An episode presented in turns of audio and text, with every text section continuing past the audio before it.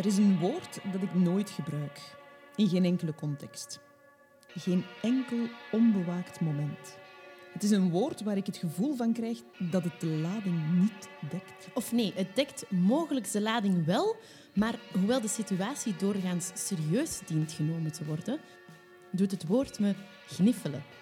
Wanneer het gebruikt wordt om voor mezelf uit te drukken wat voor rommeltje ik weer van mijn leven gemaakt heb, of wanneer iemand het zou zeggen bij de afkeuring van iets wat ik schreef, zou ik het met moeite serieus kunnen nemen. De info wel, maar het woord ratje toe. Ik zou me moeten bedwingen om niet te zeggen gezondheid. Ratje toe. Een allegaartje. Wat op zich ook al een gek woord is. Ratje toe. Weet je wat het ook is? Ratje toe. Ik heb eigenlijk, ik weet niet, ik weet niet zo goed wat dat betekent. Ik heb wel, ik krijg daar wel associaties bij. Bij ratje toe, ik, ja, ik doe me, volgens mij is dat een heel Nederlands woord. Ja? Ratje toe. Het doet me een beetje denken aan Siske de Rat. Ja, Ah, ik snap het. Ja. Dat dat daar ergens wel daar wordt gezegd of zo. dat, dat kan daar. Daar Dan, kan eh, het. Vader, eh, dit is echt een ratje toe. Zo, ik, ik zie hem dat zo zeggen. Ik heb hier een ratje toe van speelgoed. Ja, ja, ja, Ja. zoiets, ja. Maar wat dat dan wil zeggen, dat weet ik eigenlijk niet. Ja, het is dus een allegaartje. Ja? We zijn het tegengekomen in een Ja, maar wat is een allegaartje? Dat weet Een ik ook allegaartje? niet. Een, een, een verzameling Een van... verzameling van vreemde dingen samen, denk ik. Een allegaartje. Dat, dat je denkt, ah, ik heb hier een verzameling, maar die dingen horen niet bij elkaar.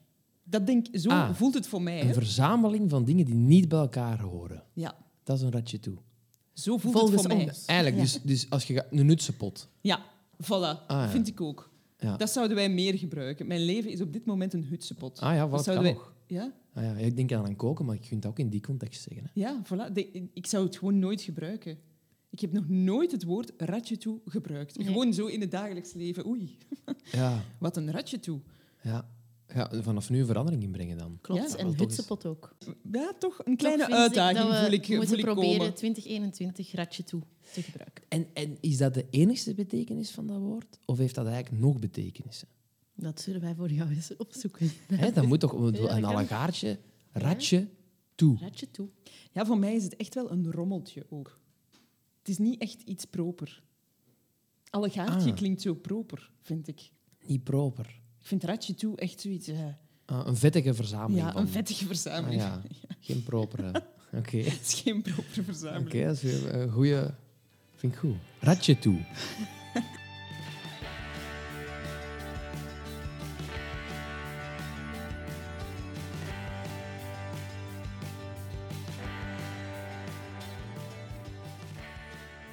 Oké, welkom woord, iedereen bij onze podcast Weet je wat het ook is? Wij zijn Helijn En Mira. en wij brengen jullie elke week een nieuw en uniek verhaal bedacht en gebracht door talenten uit de theaterwereld.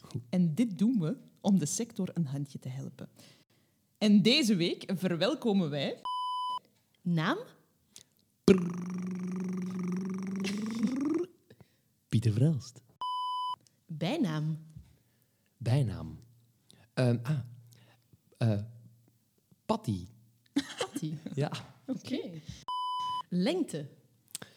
Lengte, ja. eh, een een meter 76. Leeftijd? 30 jaar. Lievelingskleur? Lievelingskleur. Lievelingskleur. Lievelingskleur. Ehm, eh, zwart. Zwart. Ja. Oké. Maar Bijzonder. bijzonder. Ja. Lockdown-status? Dat begrijp ik niet zo goed. Wat wil dat zeggen? Hoe hoe ga jij, waar, waar sta je op dit moment in de lockdown? Ja, en jij? Bijvoorbeeld? En jullie? Wij zijn ondernemend en zoekend. Ja. Ondernemend en zoekend. En Het is heel duidelijk in deze podcast al ook. Ja. Ja, want mensen kunnen dat niet zien, maar zo professioneel alles hier zo. Schitterend. Alleen met die microfoons en alles, dat is goed, hè? Ja, we hebben micro's. Ja, er zijn micro's en alles. Ja? En zo een bord waar het op staat, weet je wat het ook is en alles? Ja. Met een at. Met een at. Ja, ik zou willen dat, die, dat mensen het zouden kunnen zien. We Eigenlijk. zullen eens een foto nemen met het bord straks. Ja. Maar dus, hoe voel ik mij nu in, lockdown-status? In het begin eh, eh, zeer ondernemend. Van de, in het begin van de lockdown. Mhm. En nu voel ik wel... Maar ik ben eigenlijk sowieso als mens wel vrij ondernemend. Dat ik zo... eh, ik- allee, bij mij is toch wel alles of niks ook wel. Als er dan iets is, dan stort ik mij daar 100% op en dan ga ik daar ook helemaal voor. En dan, ik vind het leukste wat er is, is om zo tunnelvisie te hebben. Dat je zo helemaal opgeslorpt wordt door iets. En, maar nu, door de lockdown, omdat het zo lang duurt, voel ik wel dat er ook zo een totaal een andere kant is. Namelijk, eh, ja, als je echt niet veel werk hebt of je krijgt weinig prikkels van buitenaf, betrap ik mezelf erop dat je gewoon ook om negen uur s morgens kunt opstaan, in je badjas voor de, voor de tv gaat zitten en daar om twaalf uur s'nachts nog zit. En dat je dan maar gaat slapen en dat je denkt, wat heb ik nu eigenlijk gedaan? Niks. en en weet je, als, je, als je veel werk hebt, is dat, of, of, je, of je krijgt veel prikkels van buitenaf, is dat wel... Dan weet je van, ja, morgen begin ik... Dan, dan, Dan is zo'n ik- dag oké. Ja, en, en, maar nu zit je zo in een spiraal van... ehm, het is oké dat je dat dan gedaan hebt. En ergens is dat ook wel oké, maar als het te veel van dat wordt, dan voel je ook zo moedeloos en zo. Ja. En, en ik schip er nu ja, heel vaak zo tussen die twee. Dat ik De, zo... de Netflix-ziekte en ik ga iets ondernemen. Exact. Ja. Exact, Oh, dat, dat is ja. zo herkenbaar Wij voor hebben heel echt veel exact mensen. hetzelfde. Ja. Wij sturen dat ook naar Bijna elkaar. wekelijks onze, onze samenvatting. Ik Ja. heb die dag en die dag superveel gedaan, maar die series zijn nu ook wel uitgekeken. Ja, ja, exact. Ja. Ja, dat is de week. Ja. Ja. ja. Functie in de cultuursector. Ehm, cabaretier en acteur. Deze superkracht zou ik willen bezitten. Oh, superkracht. Eh, ehm, welke superkracht? Ik, ik, ja, ik zou een superkracht willen die, ehm, waar ik gewoon mensen mee kan verwarren. Dat zou ik willen. Dus niet per se kunnen vliegen of zo, of om echt een krachtkracht, maar meer zo alle Chinezen met één vingerknip blauw kunnen maken. Of zo. Dat lijkt me de max. Dat je dan, dan zou ik ook op reis gaan naar China en dan door, over de straat kunnen lopen en dat je dan gewoon dat doet en dan zo pluk, iedereen blauw, totale chaos binnen de drie seconden en dat je dan gewoon terug, terug iedereen normaal. Ah ja, oké, dat niemand het kan verklaren. Ja, dat dat, niemand dat gebeurt. ook, ah ja, hoge krachten, dit en dat. Maar ik ben dat gewoon, die dat gewoon de hele tijd doet. Ja. Dat. Of dat, of een antikracht. Dat lijkt mij ook heel leuk. Ah. Ja, of leuk, of gewoon... Ik weet niet of ik het leuk zou vinden, maar wel interessant. Als je zo... Stel voor dat je nu zo kogels kunt aantrekken. Nee, dat is ook heel kut. Want, ja, wat zit je daarmee? Je gewoon Ja. dood, instant. Instant dood. Instant dood. want- Meteen gedaan. ja. Maar het zou wel Dat een, is een goede vreemde superkracht. Ja, of zo instant haarverlies. Zo, zoiets. Dat is dat. Ja. Een antikracht. Een antikracht. Ja, zou ook nog iets moois kunnen zijn dat je zo mensen een beter gevoel kunt geven. Dat zo mensen die zich onzeker voelen en jij kunt even zo met een vingerknip zeggen en nu zie ik er heel slecht Ah, voilà. uit. Ah, en dan voel zie, jij je misschien beter. Dus dat wordt dan al wel een kracht. Kijk, jij ziet nu de kracht in de antikracht. Ja, de kracht in de antikracht. Ja, Ja. oké, ga ik noteren.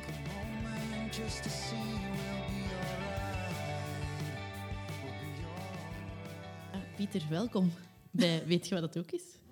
Wij zijn echt super blij dat jij hier bent. Allee. Dus, eh, het enthousiasme van Pieter is eh, Ja. enorm van het begin van het eerste contact tot en met nu al. Dus Ah, goed zo. ja, ik ben al eh, benieuwd wat er nog komt nu. Maar ehm, ja, naast jou willen we natuurlijk ook onze luisteraars even verwelkomen.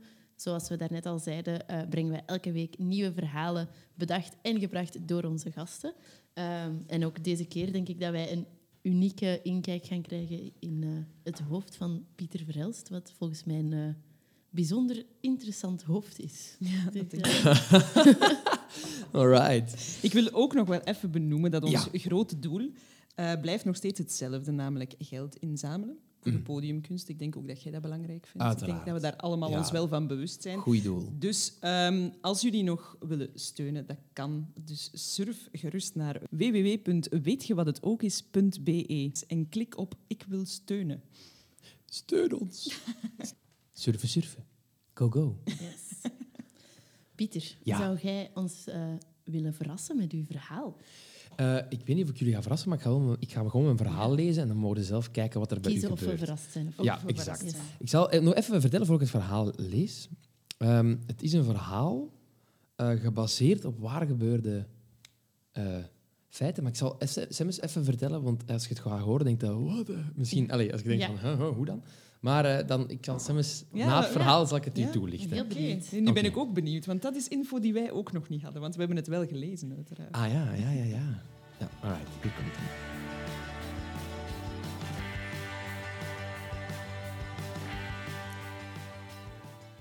Weet je wat het ook is?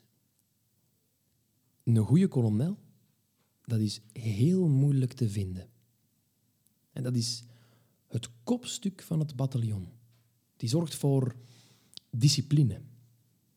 Vogels die vliegen altijd in formatie, de V-structuur. Zonder kolonel geen V-structuur. Alleen chaos is heel het bataljon het noorden kwijt.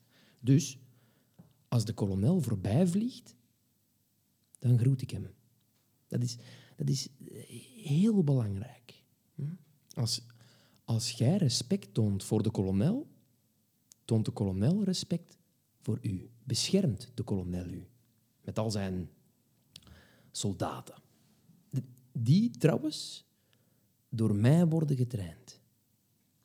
Nou, sta ik in de tuin of in het bos en dan train ik mijn duiven.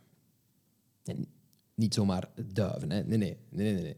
Geen eh, duiven in een duivenkot. Hè. Zo van dat getemd, geringd, verwend, gevogeld. Nee, nee, nee. Daar moet ik niets van hebben. Nee, ik, ik wil echte soldaten, wilde duiven. Le pigeon sauvage. Soldaat zijn, dat is een beroep. Hm. Daar moet je voor werken. Om soldaat te worden hoef je niet sterk te zijn, hè, maar wel fit. Je moet het niet erg vinden om, om vies te worden. Je moet kunnen gehoorzamen en u aan de regels houden. Soldaten moeten samenwerken, anders winnen ze nooit. Niet iedereen is een soldaat, nee, natuurlijk niet. Hè. Er zijn ook eh, corporaals, eh, sergeanten, kapiteins, eh, kolonels uiteraard. Hè. Sergeant is de baas van de soldaat, kapitein is de baas van de sergeant, kolonel is de baas van de kapitein en de generaal is de baas van de kolonel. De generaal. Dat ben ik. Natuurlijk zijn er ook de militairen. Hm? Die hebben de meeste training nodig. Die zitten dan ook eh, dicht bij mij, hier achter in het bos. Het, eh, het, het kazernebos. Hm? Ik ga dan in het midden van het bos staan met een handje vol graan. En dan roep ik. Geef acht! Formatie! Frontlinie voor! Dekking! Als ik iemand aanspreek, noem ik eerst de rang en dan de achternaam. Sergeant van den Broek! Hou eens! Zeg ik dan. Nou, zij mogen mij generaal noemen. Ja, zo word ik het liefst aangesproken, hè, als, als, als de generaal. Ook op mijn werk, bij de post. Als iemand van mijn collega's me lief naar huis wil geven, dan zeg ik, dat hoeft niet. Ik wacht wel op mijn bataljon. En dan komt er een bataljon mij ophalen. Want generaal is de hoogste functie in rangorde. Dat verdient respect. Mijn vriendin weet alles over de duiven. Ze vindt dat wel schattig. Terwijl eh, voor mij is dat bittere ernst. Hè. Een kwestie van leven of dood. Eén duif niet goed getraind, dat is een rotte appel in het bataljon die heel de groep in gevaar kan brengen. Dat begrijpt ze wel. Wat ze niet begrijpt, is dat we niet in de ondergrondse metro kunnen komen. Ja, eh, eh, natuurlijk kan dat niet. De, de ondergrondse metro, dat is verboden terrein. hè. Da- Daar kunnen de radars van de duiven nooit komen, dat gaat niet. En dan zijn ze me kwijt. En iets waarvan je niet weet waar het is, ja, dat kun je niet beschermen. Hm? Ik heb het ze proberen aan te leren, hè, maar het is me na al die jaren nog steeds niet gelukt. De ondergrondse metro blijft een blinde vlek. Nochtans, de training is niet mals hoor. Nee, nee. De meesten halen de eindselectie zelfs niet. Hm. Elke duif wordt getraind volgens mijn tactische scenario's. Hè. Op strategische plekken in mijn tuin heb ik dan commandoposts. En ja, hè, daar gebeuren dan ook uh, drilloefeningen, duikvluchten, Elsenborg schietoefeningen, manoeuvres, schadebeperkingen, noem maar op. En ik leer het ze. De nadruk van de training ligt uiteraard op mijn defensie van eh, de generaal voor mijn veiligheid. Op de commandoposten overnachten de militairen. Er wordt zowel gebivakkeerd als op- en afgereden. En ja, dan heb je nog eh, de Special Force. Hè. Die helpen de vrede te bewaren buiten het terrein en grijpen in waar nodig. Hè. Als ik autopech heb of als ik de weg kwijt ben. Altijd handig. Als je verdwaald bent hm, in het bos. Zeker als twaalfjarig jongetje hm, die eh, verdwaald is. Dagen aan een stuk. In het bos. Helemaal... eh, ja, helemaal alleen. Zonder dat iemand weet dat hij in dat bos is. Hè. En dat niemand hem mist. En dat het regent.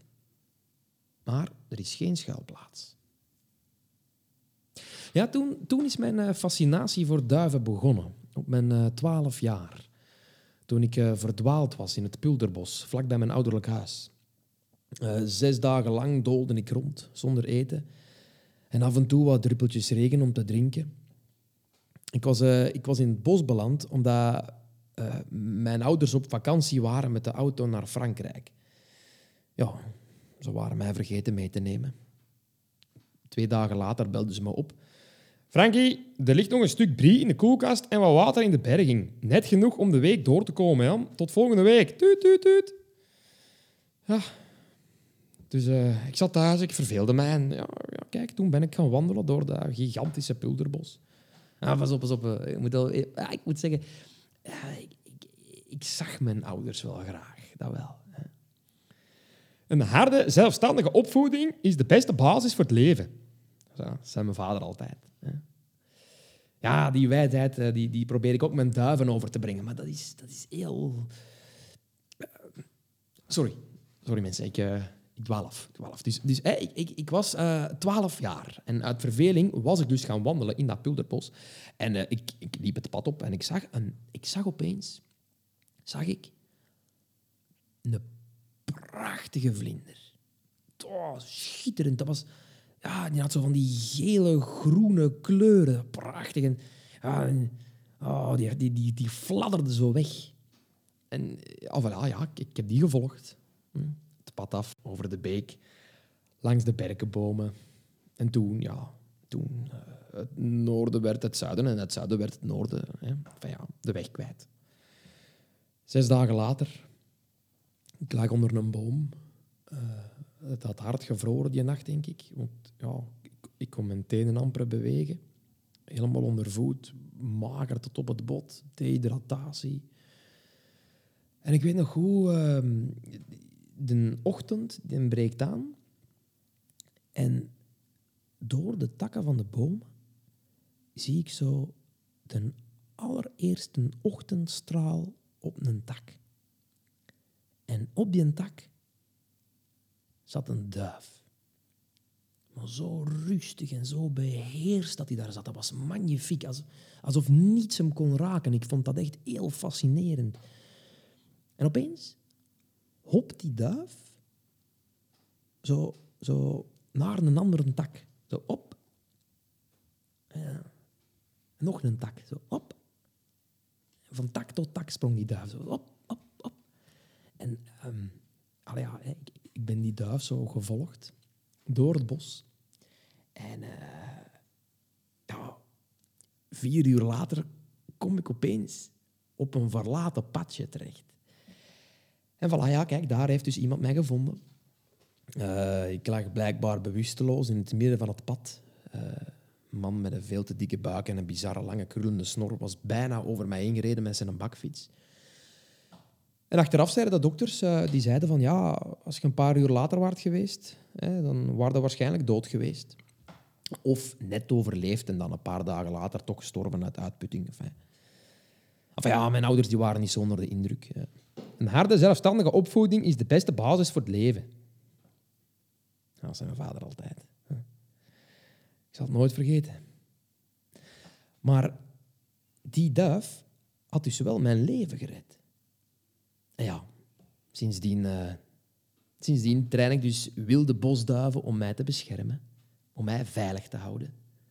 Want je weet nooit, je weet nooit wanneer het lot weer kan toeslaan. Ik heb die duif die mij toen gered heeft uitgeroepen tot de eerste kolonel. En mijn, mijn, eh, rechterhand. Ja, dat had hem wel verdiend, vond ik. Hè. Kolonel Vleugels.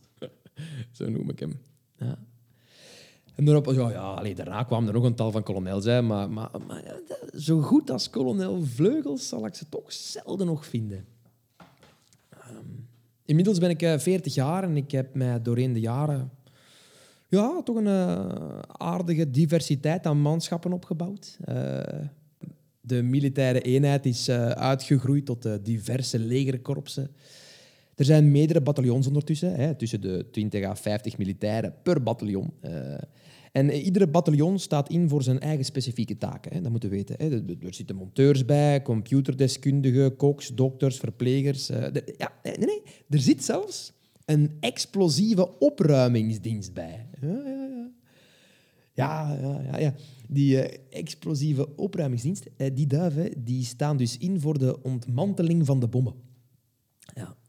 En eh, ja, al die bataljons, hè, die worden dan gecoördineerd door de zeer belangrijke functie de kolonel.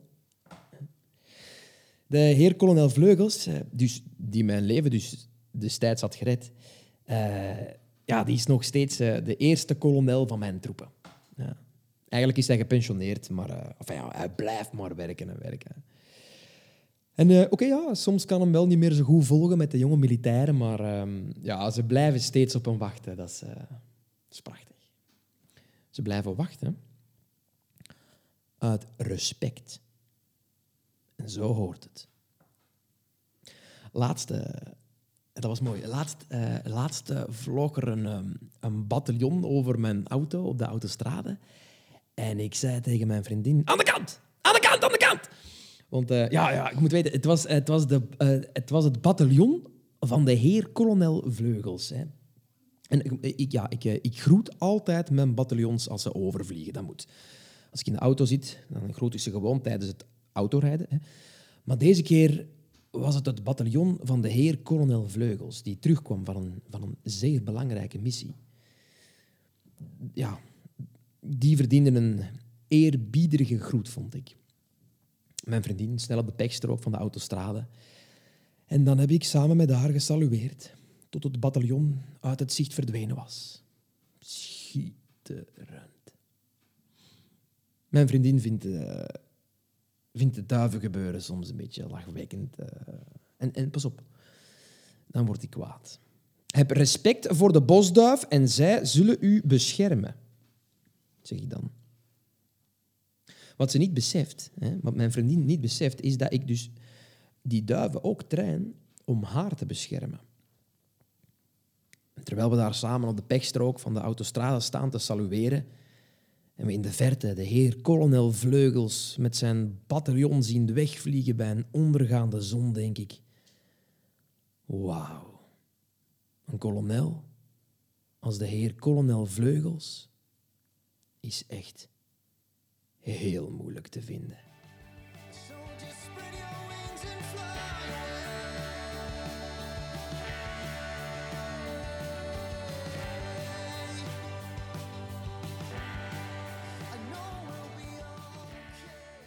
Okay. Oké. Dat was hem. Ja, dat was hem. Wat En dat een was echt, tof verhaal. ja, dat is echt een tof verhaal. Ik zat daar ook helemaal in. En dat is zo... Het zotte... Je, je hebt dat gestuurd, textueel. En hoe dat dan nu nog gebracht wordt, dat is gewoon de magie. Hè. Dat is wat ik dan weer denk. Dan denk ik, dat is het. Dat is de magie. Dat is, je leest dat en je denkt, ah, dat is een keitof verhaal. En dan komt dat nog eens tot leven. Dan Ja. wordt dat nog iets meer. En ik denk Ja. echt dat er nu heel veel vrouwelijke luisteraars gaan zijn die denken, had ik maar een lief die een bataljon zou trainen om mij te Misschien moest mijn beschermen. lief toch eh, wat duiven geven voor zijn verjaardag. Maar ik wel... Misschien wel, ik weet het niet zo goed. Eh, het heeft ook wel iets creepy natuurlijk, hè, met die duiven, dat je zo helemaal in die, into die duiven zit. Vind je niet? Ja, ik weet het. Ik vind niet dat er een... eh, het is obsessief, maar ik vind niet dat dat er zo hard in zit. Ik vind het vooral mooi. Ja. Ik vind iets moois hebben. Het, Het, is een, het het is is een oprechte... overtuiging. Ja. Hè? Het is, het Ja. is een, een, je, ja, je merkt ook van waar de liefde komt hè, voor de duiven. Het heeft natuurlijk Ja. zijn leven gered. Dus dat Ja, ja. maakt het wel... Ik denk dat dat het juist maakt wat jij zegt, dat vele vrouwen zeggen. Maar dus ik zal vertellen, ik heb dat dus niet zelf verzonnen, dit verhaal. Nee, nu ben ik wel echt mega Ja, ja dat snap ik, dat snap ik. Nee, ehm, ik, ik, dus ik was... eh, eh, ik heb een vriendin. En eh, zij heeft ook een vriendin. Uiteraard, het zou raar zijn. Maar dus, gewoon een normale vriendin. en eh, die, heeft ook, die had een vriend. En ehm, op een gegeven moment ging het uit met die vriend. En toen zei die... Die waren echt zo jaren samen. En toen zei hij opeens, ja, ja, die was heel geobsedeerd door duiven. Ik wist dat al, dat hij, zo op, dat hij wel zo'n duivenobsessie had. Maar ik wist nooit hoe en wat. Op een gegeven moment zei hij zo van, ja... Die had soms echt het gevoel dat zo de duiven hem beschermden. Ik zeg, oh. En er waren nog zo een hoop vriendinnen bij. En ik, ik stelde zo met de vraag van, oké, maar vertel, vertel.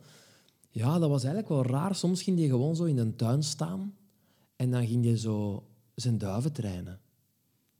En ik zeg, maar, hé, dat, is, dat, vind- dat is toch een raar verhaal? Ja. En het, het- allee, ik vroeg daar zo op door. En toen kwam dat dus echt uit dat hij gewoon... Dat hij dus ehm, echt letterlijk de metro niet kon pakken. Omdat hij dan het gevoel had van... Als ik de metro pak, dan kunnen mijn duiven mij niet beschermen. Want zijn duiven, dat, waren, dat was echt zo, letterlijk zijn, eh, zijn eh, beschermengel. En, en, de, en de, ja, de, de, de radars van de duiven konden niet onder de metro. En dat was heel vervelend, want ja, wij konden dan nooit samen de metro pakken. En die vertelde dat eigenlijk super luchtig. En ik dacht echt, dat is een keer raar verhaal. En al die vriendinnen die zeiden, ah ja, ja die, die dat ook trouwens voor de eerste keer hoorden. Want je mocht dat niet vertellen, omdat dat dus, toen waren die samen. En die, die, al die vriendinnen die reageerden daar kei normaal op. En ik zeg, jongens, maar dat is toch super vreemd dit. Dit is echt een Je heel bijzonder een verhaal. speeltuin op dat moment. Want als je dan een verhalenmaker bent, dan denk je toch... Ja, ja, ja, ja. ja. Dat is- wel. Heeft niemand dit Ja. gezien of Ja, gehoord? ja. En die zei echt van, ja, dat gebeurde dat bij zo over de autostrade en dan werd er gesalueerd. En, en dat was ook een hele rangorde. Je had kolonels en je had sergeanten. En, en, en niet alle duiven trouwens. Er waren echt bepaalde duiven die dat waren en sommige niet. En dan zaten wij ergens te eten en dan gingen opeens tijdens het eten recht staan om te salueren omdat er een belangrijke duif passeerde. Zo dat soort verhalen. En dan, maar die zeiden met zonder... En ik zeg, heb je daar nooit vragen bij gesteld? Nee, want ik zag dat jongen graag en ik ben heel open-minded, zei hij. ik zeg, ah, dat is fantastisch, Maar- dat is kei mooi. Nu dat je dat zegt, moet ik bij mezelf ook op onderzoek gaan. Want nu denk ik... Ah ja, maar als dat in het echt gebeurt, is dat wel een beetje raar. In dat verhaal is dat prachtig. Ja. En dan denk je, oh, Ja, ja. had ik maar zo iemand Ja. in mijn leven ontmoet die zoiets heeft. Zo'n zo'n liefde voor. En dan denk ik nu, ik hoor u zeggen, dit is echt zo. En dan denk ik, dat moet niet eenvoudig zijn. Nee, nee, dat denk ik ook niet. Maar, maar vooral, ik denk dat dat... Ik bedoel, die duiven, hij heeft wel een fascinatie en een passie voor duiven, maar ik denk dat dat vooral een soort van eh, beschermingsmechanisme is. Ja. Dat je dan waarschijnlijk in zijn jeugd of zo... eh, is er een, een of ander trauma... Dat weet ik dan niet, dat is nu mijn projectie hierop. Mhm. Maar ik denk dat er zo vroeger een trauma is gebeurd bij hem. Weet ik veel, gepest of zo, bijvoorbeeld. En dat er dan, eh, als hem dan ja, hoop zocht, of als hem dan zo een soort van gevoel zocht van, van de waarde van het leven, dat er dan altijd of zo duiven in de buurt waren en dat hij dat gewoon vanuit zijn jeugd geassocieerd heeft en dat dat gewoon doorheen de jaren gewoon enorm hard is gegroeid tot zoiets. Ja. Ja. Je? Zoals mm, sommige mensen een verdedigingsmechanisme hebben. He- Heel veel comedians hebben dat door humor te gebruiken. Maar dat is ook dat is ontstaan als ze jo- jong waren. Snap je? Een mopje maken wanneer Om het- mopje ja. maken wanneer het ongemakkelijk wordt. Dus dan ga ik maar grappen vertellen. Of om eh, een soort bestaansrecht of aandacht Mhm. dingen doen. Hè, een soort bewegingsme allee, een verdedigingsmechanisme. En bij hem is dat dan op een vreemde manier duiven geworden. Ja, misschien Maar ook een soort fascinerend. ingebeelde vrienden of zo. Ja, misschien. Dat kan ook. Ik weet dat dat kan, dat kan. Ja? Ja, waar hij troost vond dan. Ja, exact. Ja. Dat is het woord dat ik zocht. Troost. En bij hem was dat dan bij de duiven. Vreemd, hè? Maar Ja. het zijn niet alle duiven. Want ik zei van... Maar heeft hij dan gewoon geen duivenkot? Nee, nee, nee, nee. nee. Mocht, ja, mocht niet. Het moesten wilde duiven zijn uit het bos. Ja, vind ik ook mooi in het verhaal. Ja, dat is goed, hè? Maar Ja. dat is echt ook zo. Dat was in het echt ook zo. Dus hij, hij was geen... eh hoe heet dat? Duiventemmer? Nee, dat heet Nee, nee. Jawel. Eh, du- een duivenmelker. Of een melker. melker. Een duivenmelker. Duivenmelker. Nee, nee, want dat waren, dat waren getamde, getemde duiven. En dat is iets anders. Dat is iets anders, ja. Dat snap ik ook wel. Ja. Ja. Ik vind het eigenlijk wel een mooi verhaal. Crazy, hè? Ja, Ja. Het heeft nog meer eh, body nu. ja, inderdaad. Dat je de achtergrond... Ja, en die vertelde dat. Maar ik vond ook die, die situatie, ik weet het nog goed dat hij dat vertelde. En dat iedereen daar super, allee, super luchtig over ging. Van, ah ja, oké, ja, ja. Oké dan. Ja, dat terwijl is vooral terwijl heel daar zit er wel iets achter. Maar misschien is dat wel mijn projectie van maker, als theatermaker, dat je dan Dus ja, direct zit daar denkt... direct een verhaal in. Ja, wel een- exact. ja. Dat je denkt, oh, jammer dat het uit is. Ik wil nu die mens eigenlijk heel graag spreken. Dat lijkt mij een heel cool onderwerp. want Ja, absoluut. Ik wil die nu, want ik heb die nog nooit daar... Ik heb dat via die vriendin gehoord. Dus ik heb hem persoonlijk nooit zo op die manier over die duiven horen vertellen. Maar dat lijkt mij wel heel bijzonder om dat... Als die eh, nu zou luisteren, dat is toch prachtig? Ik hoop het. Ja, ik hoop dat echt. Dat Ik hoop hoop ik ook. Die mag Het is een ode bellen. aan u trouwens. Hè? Het is een ode. Niet, een, eh, Ja. niet om uit te leggen, maar omdat Nee, ik het mooi echt- vind. Ah, wel, maar Bewondering toch? Ja. Bewondering, Nu willen we die mens in de studio. Dus bel ons alstublieft. Ja, ja, ja. ja. Ik heb een andere dame. Dacht ik al wel. Ja, ja, ja. Ik vind dat echt een prachtig verhaal, maar er zit zo een, een vleugje, of een vleugeltje, eh, weemoedigheid in. Ehm, Ah, ja. En een soort eenzaamheid. Maar je bent iemand die comedy brengt, maar is zo een melancholische sluier doorheen uw verhaal. Vind je dat belangrijk? Eh, dat, hoeft niet altijd melancholisch te zijn. Maar waar ik wel, of, waar ik als persoon in ieder geval heel vaak naar op zoek ga, is het wel naar een soort dubbele bodem in een verhaal. Of, een, of, een, eh, of wat raakt mij in een verhaal? Of wat is, wat is mij... en heel vaak, hè, bijvoorbeeld hier is dat dan inderdaad melancholisch en dat heeft een soort eenzaamheid. En je, voelt, je voelt een hele wereld achter dat personage. Dat is niet zomaar dat je in die duiven zit. Dat komt ergens vandaan. En dat is, er is nog veel meer aan de hand dan alleen dit. En het feit dat je dat daarop projecteert, is gewoon interessant om ook te blijven luisteren. En je koppelt daar ook een gevoel aan. En bijvoorbeeld eenzaamheid en dit en dat. En als je, dit is een vrij absurd verhaal, dat ik dat zo vertel.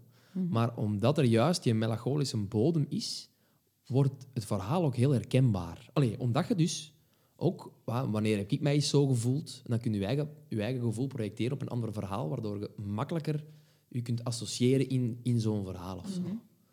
Ja, dat is ook wel. Dus, dus eigenlijk, als, hoe absurder een verhaal, hoe belangrijker de dubbele bodem wordt.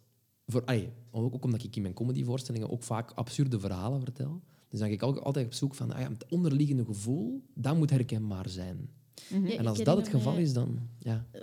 Mijn broer en ik, hè? Is, Dat was mijn eerste voorstelling, ja. daar ook, Ja. want ik, ik weet nog, ik heb dat gezien.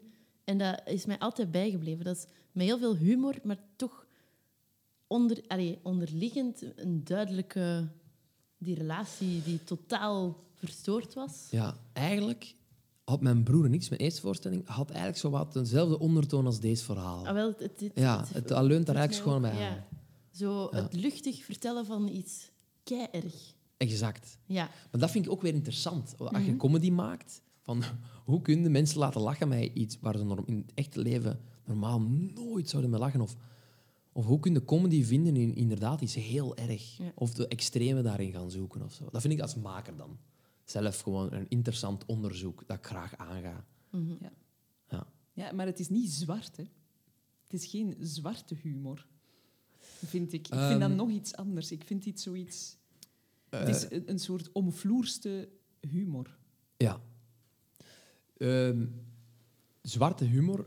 eh, ja en nee, hè, omdat je eigenlijk lacht met iets waar normaal niet mee gelachen wordt. En in comedy dan. Hè. Eh, en dat maakt het in C al zwarte humor. Terwijl zwarte humor vaak ook misbruikt wordt soms om bijvoorbeeld te choqueren. Of om, te, of om iets heel grof te vertellen en daar dan mee weg te komen. Ja. Eh, terwijl dat is dan hier of zo totaal niet aan de hand. Nee, voilà. En in mijn voorstelling eigenlijk ook niet per se aan de hand. Dat is niet het doel of zo. Is het ook niet meer zo... Ik weet het totaal niet of het... Zo, als je op een begrafenis zit, zit ook soms ongemakkelijk en lachen.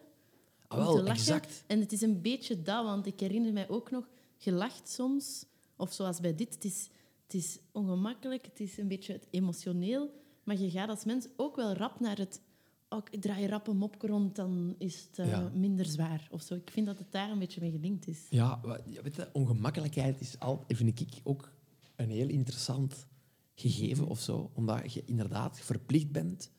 Je moogt niet lachen. En daardoor moet je juist eigenlijk Ja. heel hard lachen. Ik heb dat ene keer...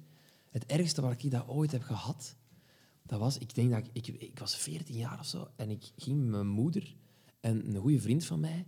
Gingen wij in een kerk naar een generale repetitie kijken van, eh, van ehm, een opera-voorstelling die daar werd gegeven in die kerk. En dat waren echt tien mensen of zo in op die generale repetitie. En wij zaten op de eerste rij. En dat was ook een heel serieus verhaal. Er werd zo'n heel serieus verhaal verteld. En op een gegeven moment komt er zo een dude op van twee meter, echt zo'n gigantische brede gast vol tatoeages. En je had zijn motorpak nog aan, want hij had was generaal repetitie. Ik weet niet waarom hij dat aan had, maar dat paste niet bij het verhaal. Maar hij had gewoon zijn motorpak nog aan. En hij komt naar voren en die begint echt opeens... Ik dacht echt, die gaat hier grunten of die gaat hier hard... En die begint zo opeens...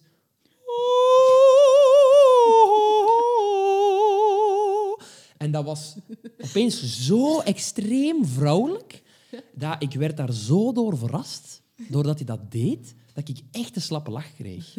En ik keek naar rechts en mijn vriend, waar ik dan daarmee was toen, die had dat ook. En mijn moeder natuurlijk keihard schamen voor ons twee. Maar wij echt slappe, slappe, slappe lach. Want ook je zit in die kerk, je zit daar maar met tien. In die kerk kun je ook niet, eh, is gewoon de lichten zijn aan? Dus je, die kun je je mij perfect zien. Ik kan mij niet verstoppen. Dus we zaten keihard ons best te doen om onze lach in te houden. Maar hoe harder wij dat deden, hoe harder wij gingen lachen. En dat, dat escaleerde gewoon echt. Dat ging van kwaad naar erger. En op een gegeven moment is die mens ook gewoon de voorstelling stilgelegd en zei: Ja, ja mannen, eh, het is wel lastig om zo blijven te zien. Eh zouden jullie misschien zaal- van ofwel verlaten of van achter willen gaan zitten of zo? En dan hebben wij een poging gedaan om van achter te zitten, maar dat ging niet meer. We konden niet meer. Ik heb nog nooit in mijn leven zo hard gelachen. En ik kan me voorstellen, door dat soort gebeurtenissen, dat je denkt van, ah, en je gaat dan comedy maken, dat je denkt, ah, ik heb nog nooit in mijn leven zo hard gelachen als toen. En dan, Wat maakt juist? wat maakt dat dan zo grappig? En dan probeer je eigenlijk terug te neigen naar zo'n nostalgisch ding Ja. of zo, waar dat je denkt van, daar zit zo extreem veel humor in. Ik heb zo ooit eh, op een bus voelde ik mij ineens betrokken in een situatie waar ik niks mee te maken had. Omdat ik op een bank zat, zo met vier naast elkaar, en er zaten drie mannen daar, eh, ja, die gerelateerd waren. Aan de kant dus, want dit is een podcast. Ja, Ja, ja. Ja, je snapt het idee van Ja, ja, ja, ja. hebben zo één bank met vier. En Ja, jij zat aan de andere bank. Ik, ik zat gewoon daarnaast, dus we Ah, zaten met daarnaast, drie ja, ja. en ik zat daarnaast. Ja, en er ja, ja. stapt iemand op en die, die groet al die mannen op een bijzondere manier. En, Oh, een goed begin, ja. ja, dus ik ga huh? volledig op in die situatie, dus ik ben nummer vier en ik doe gewoon mee. dat is het probleem. Ik denk dan, oh wauw, dit is een bijzondere situatie. En dan, Dus jij hebt meegegroet. ik heb gewoon- meegegroet in een groet die ik niet snapte, want het was een groet die ik niet kende. Ja. Maar ik vond dat zo bijzonder.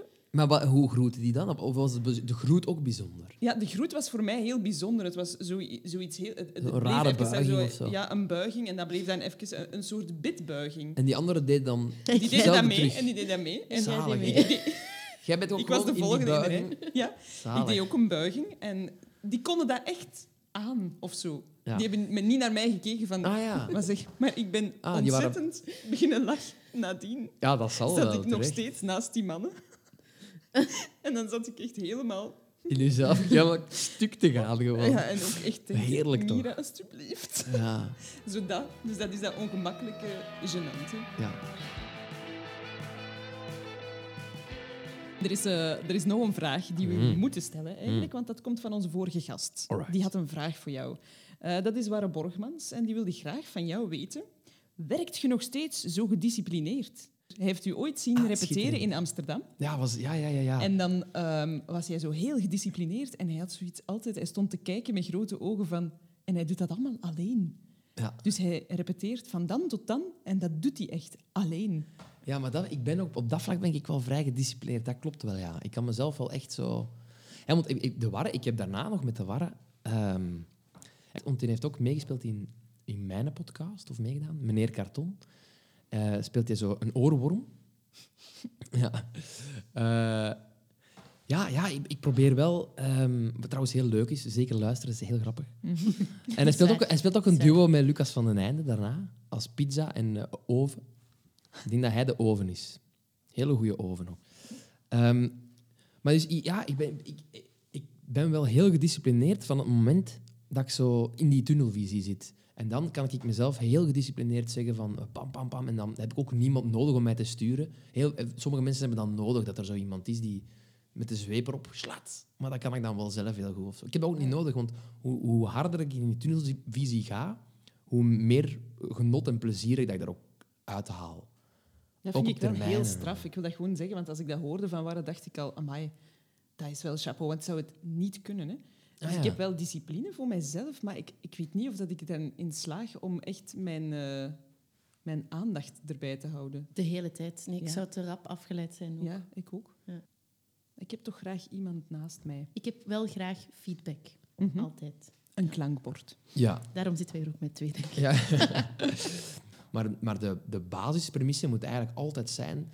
Ik moet er zoveel mogelijk plezier in beleven. En als dat er niet is, dan is er gewoon, al, ze- al zou het dan heel grappig zijn, dan zou ik het er nog uithalen.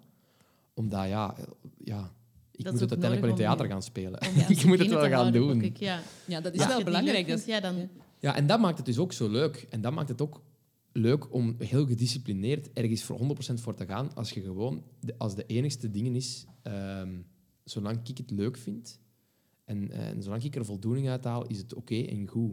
Ja, dan kun je eindeloos doorgaan. Want ja, Klopt. Ja, dat is waar. Ik heb toch nog een, een kleine vraag. Heb jij een Kempische achtergrond? ik heb zeker, eh Ja. zeker een campus achtergrond. Wij houden, wij houden van het... eh, ja, het campus is echt top. Hè. ja. Je moet daar naar nieuw pitoep zetten. Eigenlijk, eigenlijk ben ik gewoon te campen eigenlijk. Dat is gewoon zo. Eigenlijk vaak, zeg. Eigenlijk wel. 100%. En van wat? Hest door den berg. Van Hest. Ja. Allee. Allee, een pannenkoek. Ja, top. Ja. Zeg, en mag ik ook vragen, herkent je iets van jezelf in deze Frankie? Of zou jij Frankie wel willen zijn? Of zo? Of Nee, jij... ah, wel, eh, eh, dus wat ik daarnet ze- zei over dat herkenbare gevoel wat erachter zit, dat herken ik eigenlijk heel hard. Dus, dus eh, wat, wat jij zei net van, ja, mijn broer en ik, die voorstelling had eigenlijk dezelfde onderliggende toon. Mhm. En die voorstelling, dat ging dus eigenlijk gewoon over mijn broer en ik. Allee, ja, gewoon zo wel, wel een... eh, hè. Ehm, dus ja, dus dat gevoel wat daarachter zit, ehm dat herken ik wel. En, ja, en, en ook gewoon dat, dat verdedigingsmechanisme. Mhm. Dat, dat is een, voor mij dat, dat iemand... Ik snap dat. Ik snap dat je eh, iets zoekt waar je troost kunt uithalen. En eh, hoe harder je eigenlijk noodzaak hebt aan troost, hoe extremer je daar ook in door kunt gaan. Dus blijkbaar had dit figuur een enorme drang naar troost. En die vond dat bij zijn duiven. Ja. Eh, maar dus dat verdedigingsmechanisme, ja, ik, ja, ik ben comedian, dus bij mij is het voor de hand liggend dat ik vroeger wel veel met, met humor opgelost heb. En dat ik humor eigenlijk gebruikt heb als een verdedigingsmechanisme. Maar zo een, een, eh, een, ehm, een, een, een ding was vroeger, toen ik zo 12 jaar was, ik had een dansje. en ik zette dat heel vaak in op ongemakkelijke momenten, waar mensen dan uit pure ongemakkelijk vaak mij moesten lachen. En dat was een beetje gebaseerd op zo... Hoe heet hij? Marcel de Neut uit, uit, ehm, uit eh, de Bakliaus. Ah En ja. had ook zo'n dansje. Oh, en dan zo... dat pie, doe, doe, doe, pie, pie, doe, doe, doe, doe, pie, pie, doe, doe. Dat, dat- zoiets zei hij daar zo bij. En dan deed je een kei raar dansje. Mensen die Bakliaus kennen, de, de, de, ehm, de secretaris van Samson en Gert, dat is ook de- dezelfde. Maar dat dansje was de max. Dat De dansje... Marcel. Oké, De buurman, ja, het is, ju- het is juist. De ja. buurman. Dat ja. was de buurman, denk ik. Ja, ja, Marcel de Neut. Ja. En dat dansje heb ik ook heel vaak op zo ongemakkelijke momenten ingezet. Maar ik deed dat ook gewoon uit een soort verdedigingsmechanisme. Eh, van, ja, of een soort drang naar aandacht. Of van of geliefd willen zijn of geliefd willen worden. Mhm. Of, of om, als ik iets mispeuterd had, dat te willen verbergen. Maar dat zijn eigenlijk en wat nog kijk hoe mooie... werkte, want mensen ja. waren helemaal verward daardoor ook. Ja, dat zijn mooie verdedigingsmechanismes. Want er zijn er ook Ja, ja. andere. Hè? Dus, ja, dus dat is wel nog een mooie manier om daarmee Een om te gaan. Met een, antikracht, Ja. eigenlijk. Eigenlijk, eigenlijk Amai, wel. De cirkel is rond. Yes. yes.